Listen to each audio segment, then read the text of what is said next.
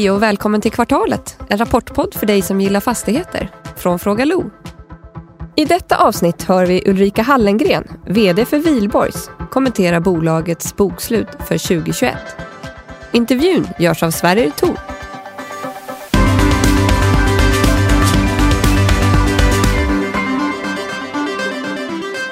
Så vi hej och välkomna tillbaka till Kvartalet. Och hej Ulrika Hallengren. Hej. Kul att få vara här på ert fina huvudkontor än en gång. Välkommen hit. Tack. Vi har ju vår i Skåne. Ja, visst är det härligt? Ja, det är fantastiskt skönt. Jag tycker inte synd om någon som inte har vår just nu. Åh ja, eh, lite, lite skidåkning till kan jag tänka mig innan det här året är slut.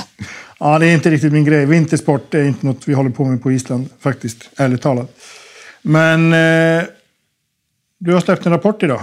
Ja. Rekordrapport som vanligt. Ja, det är, det är väl inte alltid så att vi har så många rekord som vi har den här gången. Men den här gången har vi många rekord. 2021 eh, avslutades eh, starkt. Mm. Och, eh, men vi pratade om det tidigt under året, att vi upplevde att det var en bra dialog med många kunder och att det, aktiviteten ökade från mars och framåt kan man säga. Mm. Så då kan man säga att även om det var så att året avslutades med restriktioner och kanske lite ökad oro igen så blev det ett väldigt bra år. Vi, vi konstaterade ju innan vi gick in i, i, här i rummet som vi sitter att corona är, ju, är slut nu. Lite med glimten i ögat. Men det, känns det var nog ju du verkligen... som sa det va? För jag, jag, jag försöker fortfarande följa det offentliga de offentliga instruktionerna vi får. Så att, eh, jag tror nog inte vi kan blåsa faran över på, på alla sätt. Men på många sätt så känns det som att lättnaderna verkligen släpper ut folk tillbaka, tillbaka till mm. eh, ut i arbetet igen och eh, vi kan ha full fart på ett helt annat sätt än tidigare. Jag tror mm. att den här våren kommer bli otroligt intensiv när mm. alla längtar efter att träffas. Eller hur? Och tror, alltså, eh, vi ska snart släppa på Niklas Höglund för de som, som vill höra honom. Men när vi tittar tillbaka om några år, blickar tillbaka. Vad tror, hur tror du man skulle sammanfatta de här? Det är två år nu det har ju ändå liksom... Jag tycker egentligen att det är fantastiskt att vi har kunnat fortsätta bedriva så mycket normal verksamhet trots att förutsättningarna har varit så annorlunda. Mm, um, oro påverkar människor, så det är klart att jag tror att vi kommer till viss del se, en, se efterdyningar i folks välmående som mm. kommer hänga i under, under ganska lång tid och därmed kanske produktiviteten till viss del också påverkas. Eh, men eh, överlag så har ju väldigt många saker kunnat hållas igång på ett fantastiskt sätt. Mm. Eh, vilket är glädjande. Mm. Jag tänker faktiskt på det där, jag, jag, när man tittar på en tv-serie ganska ny, nyliga. Då springer alla runt med masker, framförallt i USA. Då. Undrar hur folk i framtiden kommer tänka på det där när de, när de tittar tillbaka. Äldre som man ibland tittar på själv. Men nog om det. Nu, nu är det dags för Niklas att få glänsa lite här. Ja, snabbanalysen av Wihlborgs. Bolaget avslutar året väldigt starkt eh, och slår återigen analytikernas förväntningar i kvartalet. Delvis på grund av en, en upplösning av covid-reserver, men nettot ser riktigt bra ut eh, eftersom det är en hel del kostnader också som har kommit in. Eh, och det som sticker ut är en väldigt stark hyrestillväxt som på lika lika basis är upp 4,8 procent här för helåret jämfört med 2,1 på nio månader. Och sen är höjningen av utdelningen också väldigt stark, upp 15 procent trots något ner förvaltningsresultatet efter försäljningarna 2020. Höjningen är då 16 året i rad, vilket är klart imponerande. En styrkesignal som sagt. Och aktiemarknaden gör vågen. Aktierna återhämtar sig upp med mer än 4% så här långt under rapportdagen. 2 procentenheter bättre än marknaden. Och om vi tittar på, på drivarna i rapporten i övrigt så är omvärderingarna upp med 3,2 procent i kvartalet. En stark siffra. Och tittar vi på helåret så är det på 4,5 procent. Det var en ordentlig återhämtning då i slutet av året som vanligt i Wihlborgs. Och bolaget pekar ju dessutom på att 20 procent av de här omvärderingarna eller omvärderingseffekten kommer från egengenererade projekt och 30 procent från högre kassaflöde. Starka siffror, helt klart. Substanstillväxten som kombinerar ett starkt kassaflöde med omvärderingar är upp med imponerande 17 procent på årsbasis med återinvesterade utdelningar och, och, det förklarar då varför aktien värderas till en premie. Men här kan vara värt att lyfta fram att premievärderingen faktiskt kommit tillbaka och är endast eh, omkring, omkring 11 procent, vilket kan tyckas lite snålt givet den här starka utvecklingen. Framåt så är det fortsatt två viktiga värdedrivare för Wihlborgs att hålla koll på. Den första är projekt. Bolaget har ju historiskt sett varit väldigt framgångsrikt och stärkt sin kvaliteten av beståndet till en riktigt bra avkastning. Här har man en projektportfölj som är rekordstor och motsvarar 2,8 miljarder investeringar. Man har startat tre projekt i både Malmö, Lund och Helsingborg, två lite större. Och det är i linje med vad man flaggade för i Q3 och definitivt någonting som stärker omvärderingspotential och kassaflöde på sikt. Man indikerar även på conference callet att man bygger de här kontorsfastigheterna på en 6 yield on cost som man kallar det. Det indikerar ju en väldigt bra avkastningspotential när man väl lyckas hyra ut de här såklart. Förvärv är den andra viktiga värdedrivaren för Wihlborgs. Här har det varit lite tunnare. Man har varit ganska selektiv under 2021 och man har inte riktigt kunnat kompensera sina kassaflöden för försäljningen som man gjorde 2020. Man har en stark finansiell position och eh, en aktie som handlas till premium som sagt. Det här skapar möjlighet för lite större steg och bolaget är försiktigt positivt kring förvärv även om man lyfter fram att prisbilden är utmanande. Och jag är nyfiken på hur bolaget bygger vidare från den här styrkepositionen och definitivt något som Sverige får se till att få fram i diskussionen som följer. Tack för det Niklas. Ulrika, du är ganska nöjd med rapporten har jag fått intryck av som du säger, rekord på, på många sätt. Om du sammanfattar? Men man kan säga att vi, vi fokuserar ju eh, hårt på att se till att vi har ett eh, bra intäktsflöde och ett bra, ett bra kassaflöde helt enkelt att jobba med. Mm. Eh, och det är klart att när vi bygger vår affär så att vi då kan göra det genom att till exempel som nu, ha en rekordhög nyuthyrning och rekordhög nettouthyrning både på kvartalet och på helåret. Det är ju någonting som visar på tillväxt i affären. Mm. Vi ser också att hyresnivåerna går upp, kanske ännu tydligare nu än det som vi har kunnat visa på tidigare. Eh, vi har haft den känslan hela tiden och vi har kunnat visa på det i enstaka affärer men nu kan man se det på bred marginal och det, det är klart att det Eh, lovar gott för framtiden. Mm. Ni har ett förvaltningsresultat på, på och, och ett driftöverskott som över helåret faller en aning. Men då tar man ju bort de här 21 eh, fastigheterna ni sålde. Till, Precis, tittar man på helåret så kan man säga att eh, under 2020 så hade vi ju hyresintäkter från de här 21 fastigheterna vi sålde under 11 månader. Mm. Eh, så det är klart att det blir en haltande jämförelse. Vi kan också se att vi under 2021 eh, hade lägre covid-rabatter men de var ju fortfarande en, en, en del av verksamheten. Eh, och det är ju glädjande. Det var fler verksamheter som gick lite mer normalt. Däremot så har vi våra egna eh, intäkter från serviceverksamheten som vi har som var eh, ännu sämre under 2021 än under 2020. Mm. Så, och det, det, är klart att det belastar eh, det här året men vi ser ju en klar ljusning i det när Eh, en större normalitet nu återgår. Precis. Och, och, har du i huvudet hur, hur, liksom, hur mycket driftöverskott ni hade från de här 21 fastigheterna? Om man ska försöka sätta siffran i någon sammanhang. Ja, men jag tror att vi, man kan säga att vi tappar ungefär eh, mellan 10 och 15 miljoner under 2021. Okej. Okay, okay. Så det är en betydande summa naturligtvis. Mm, mm. Eh, och ni har ju en värdeförändring som hette duga. Eh, två, över två miljarder. På hela året, ja. Hela året. Mm. Eh, vi gör ju en hundraprocentig extern värdering av hela beståndet i Q4. Mm. Och jag tycker att det är en bra metod att jobba på det viset. Ungefär 50 procent av värdeutvecklingen kommer från förändrade avkastningskrav. 30 procent kommer från förändrade hyresnivåer, nya avtal. Mm. Och 20 procent från projekt utveckling. Okay. Så det är en bra balans tycker jag att, att verkligen eh, värdeutvecklingen har ett starkt stöd i att vi också gör mer affärer, skriver avtal på högre nivåer eh, mm. och så vidare. Mm. Och nu har ni ju 50 miljarder första gången i, i fastighetsvärde. Om, om man tittar på just uh, de här avkastningskraven, alltså 50 procent, är det, vad, vad ligger snittgilden på?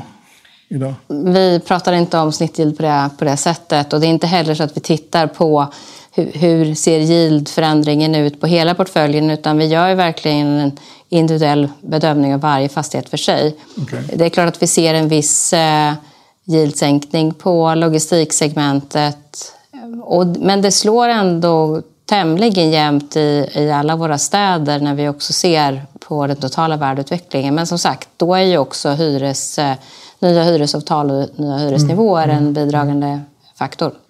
Märker ni någon effekt på kontor? För det är ju ändå... Kontor har ju, det har varit diskussioner om det ända sedan, sedan våren 2020. Att nu är kontoret dött. Men ingen är ju där längre. Alltså, kontoret, Ingen pratar om det Ingen längre. pratar om det Ingen längre. pratar om det på det sättet, nej. Nej, kontoret har ju, har ju fått en renässans så att säga. Ja, men det kan man säga. Vi har gjort en ny eh, AI-studie eh, i år igen som uppdaterar de, den AI-studie som vi gjorde i fjol. Där man tittar på förändrade beteenden och förändrade, eh, ja, vad man söker efter helt enkelt. Och det ger ju ett starkt stöd till eh, också det som vi har känt av i många affärsdiskussioner, att man söker högre kvaliteter, man tittar mer på hur man kan tillgodose sina medarbetares behov på ett ännu mer flexibelt sätt. Och då handlar det eh, förstås till viss del om var du arbetar och när du förflyttar dig. Men, men det handlar också till väldigt stor del om vilka kvaliteter din arbetsplats har. Mm, mm. Eh, du nämner ju i vd-ordet att eh, ni har en rekordhög eh, nettouthyrning. Både i kvartalet, sista kvartalet, men även under helåret. Den går ju att koppla kanske på något sätt till eh, stora uthyrningen i, i Hyllie till Trygg-Hansa. Absolut, Trygg-Hansa är en del i det hela eh, i kvartalet, eh, i fjärde kvartalet. Men eh, även utan Trygg-Hansa så hade vi fortsatt att ha en väldigt bra uthyrning på både året och kvartalet. Så det är många affärer som gemensamt, jag tror vi har skrivit 564 nya avtal under 2021. Så det är de många avtalen som faktiskt ger en rekordhög eh, nyuthyrning på 315 miljoner och eh, 115 miljoner i nettouthyrning på, på helåret. Det är naturligtvis bra siffror. Det är 27 kvartalet i rad med positiv nettouthyrning. Och det finns inga garantier att vi fortsätter 27 kvartal till, men, men låt oss ha det som vår ambition, absolut. Hur, hur skulle du beskriva läget på marknaden, uthyrningsmarknaden? För eh, alla verkar prata om det just nu. Det är, det är en, ett, känns det som att det är liksom tryck igen? Har, föll trycket någon gång, om man säger så?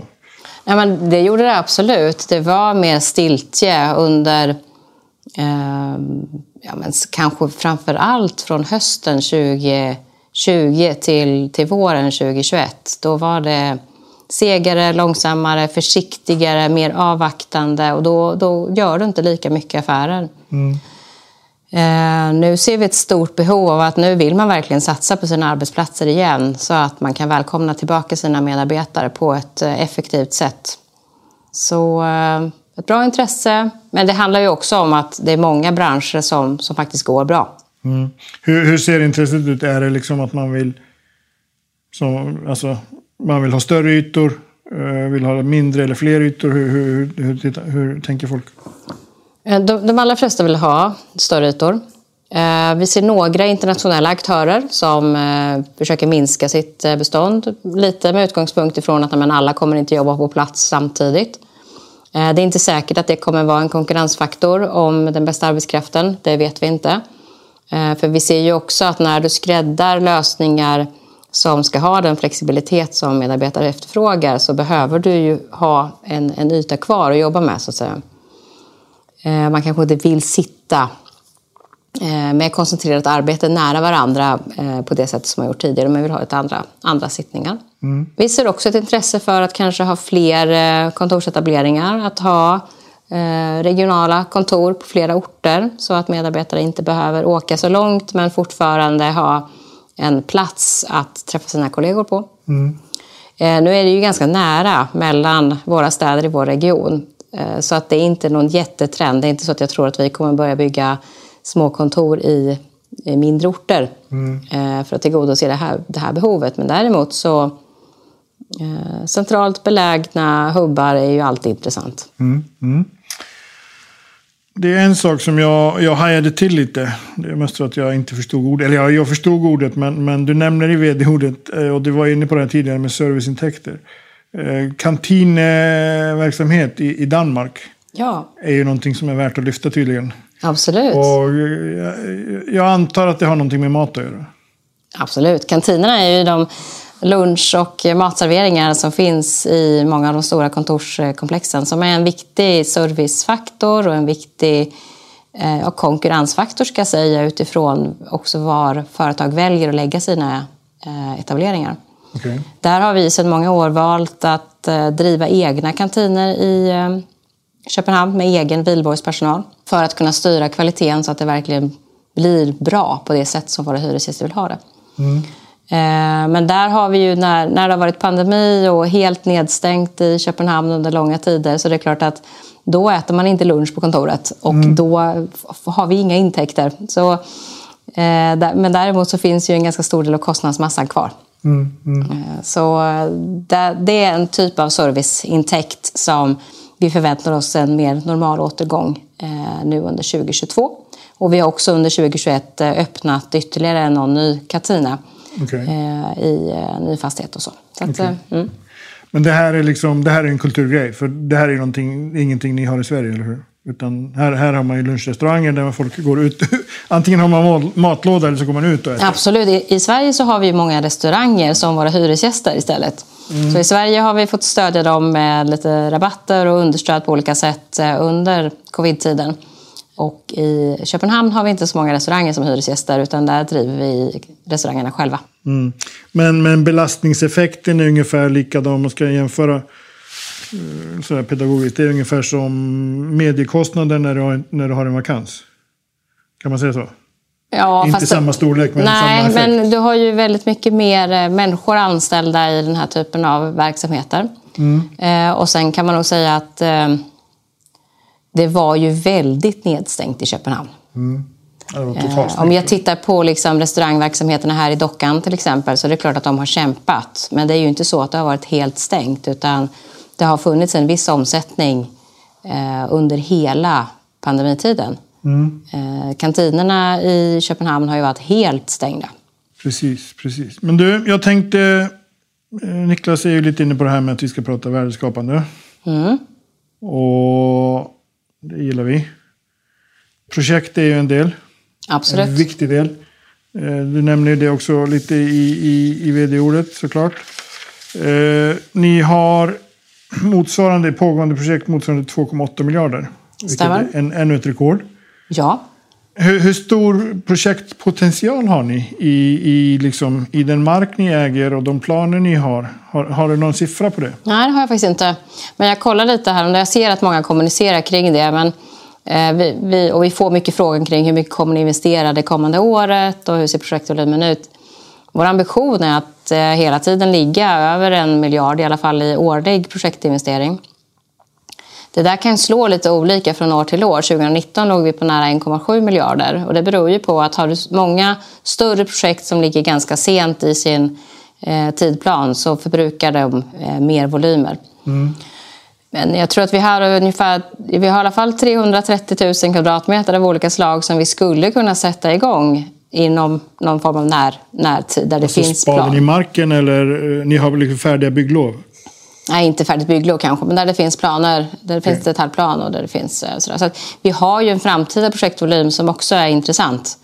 Eh, men precis i vilken takt som den utvecklas, det måste ju följa marknaden. Ju, man kan ju mäta sin framtida projektvolym på lite olika tidshorisonter och det talet Mm, jag vet mm. inte riktigt vad man ska göra med det talet helt enkelt. Mm. Eh, vi jobbar ju hela tiden med att se till att vi fortsätter ha en projektvolym både i närtid men också i framtid. Men det är ju väldigt svårt att förutspå egentligen i vilken takt som den upparbetningen kommer ske sen. Utan det måste man titta på eh, verkligheten. Mm. Och då är det, om jag då är det Hyllie, det är eh, Nyhamnen här i, i Malmö, det är Ideon i, i Lund. Helsingborg kanske någonstans i hamnarna där? Absolut. Nej, vi, har bra, vi har en bra projektvolym i alla våra, eh, alla våra städer. Jag tycker nog att eh, Lund Northeast och Brunnshög, Science Village, Ideonområdet eh, de möjligheterna börjar takta på ganska väl och där har vi mycket både utvecklingsbar mark, eh, vi har byggrätter som är igång. Jag är väldigt glad att vi kan komma igång på Science Village för Oatly. Och där börjar vi nu rita på vårt nästa projekt. Mm. Vetskapen 1 som ligger precis granne med då Kunskapen 1 där Oatly ska sitta. Okej. Så bra fokus på de områdena. Eh, bra attraktivitet. Det börjar liksom byggas mycket bostäder på Brunnshögsområdet. Eh, eh, ja, nej, spännande område. Sen är ju Hyllie, eh, Malmös och, och Nyhamn tillsammans, som tillsammans med Nyhamnen är ju Malmös eh, kanske stora. Och där har ni ju hyrt ut till, till den här Trygg Hansa-uthyrningen som vi pratade om tidigare. Och där ska ni starta ett nytt projekt. Hur, hur ser planen ut där framgent? Kommer ni och, och har, ni, har ni mark där fortsatt? Pulpeten och eh, Bläckhornet är de projekt som vi har kvar där idag.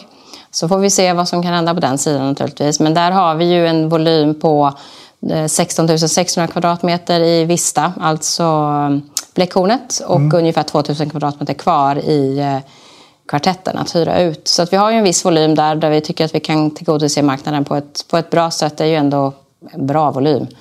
Eh, riktigt bra projekt, eh, god mobilitetstillgång, både i form av eh, tågstationer naturligtvis, men, men också eh, parkeringshubb och eh, laddinfrastruktur som är välutvecklad och riktigt bra cykelparkeringar och sådär. Så att det, det, blir, eh, det blir ett bra komplement eh, till, till totalen.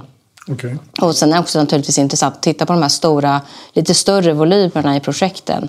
Det är nära 900 miljoner som ligger i eh, Bläckhornet 1. Och då kan du ju få lite momentum på den energi som man lägger i, i projekten naturligtvis.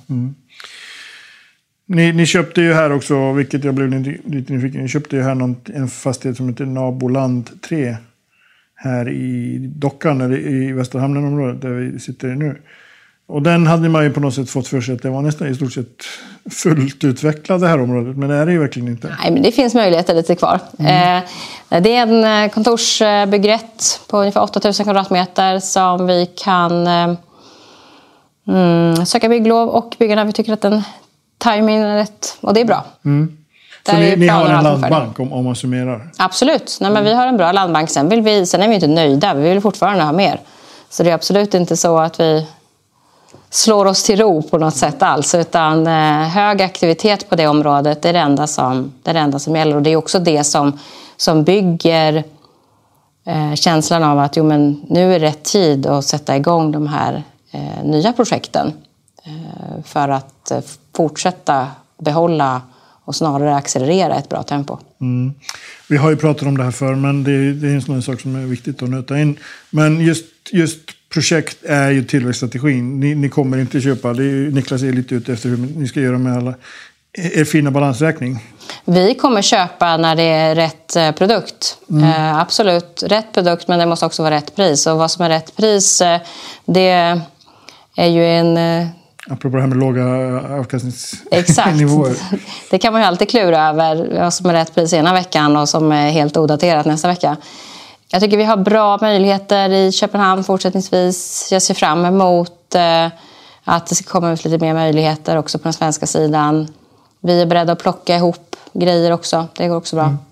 Så att det, vi kommer behöva komplettera, liksom, precis som vi gjort tidigare så behöver vi tillväxt både genom egna projekt men vi behöver också transaktionssidan naturligtvis. Sen kan det takta lite olika från år till år eh, beroende på hur möjligheterna ser ut. Men ni kommer inte köpa bestånd?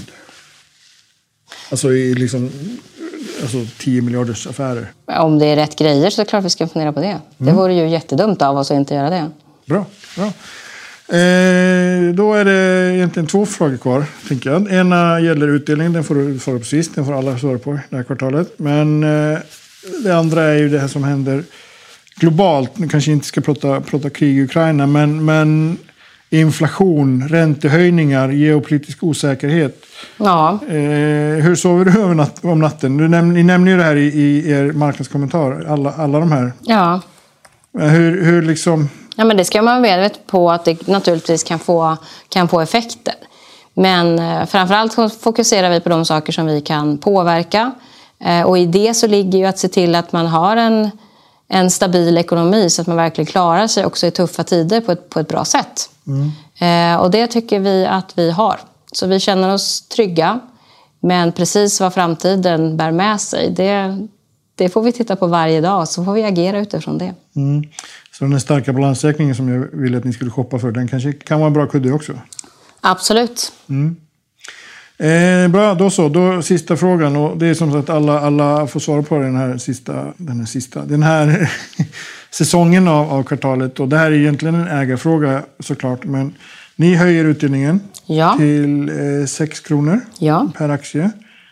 Eh, ni har höjt den nu 16 året va? 16 år i radio. Mm. Hur känns det? Det är ju i enlighet med vår ambition, så det känns bra att vi kan fortsätta leverera på det. Har ni, nu minns jag inte om jag läste det, ni går inte över till kvartalsvis? Nej, Utan ni kör en gång om året? vi kör en gång om året. Hur, hur går tankarna där? Är det något du kan dela? Ja, men vi har ekonomisk kapacitet att göra utbetalningen en gång per år och då finns det ingen anledning att låna pengar av våra ägare. Ehm, utan då gör vi utbetalningen en gång per år. Ord och visor. Tack Ulrika. Tack! Och tack för att ni har lyssnat. Vill du ha koll på de viktigaste trenderna i fastighetsbranschen? Lyssna på vår podcast Fastighetspanelen med Sveriges ledande rådgivare, där poddar finns.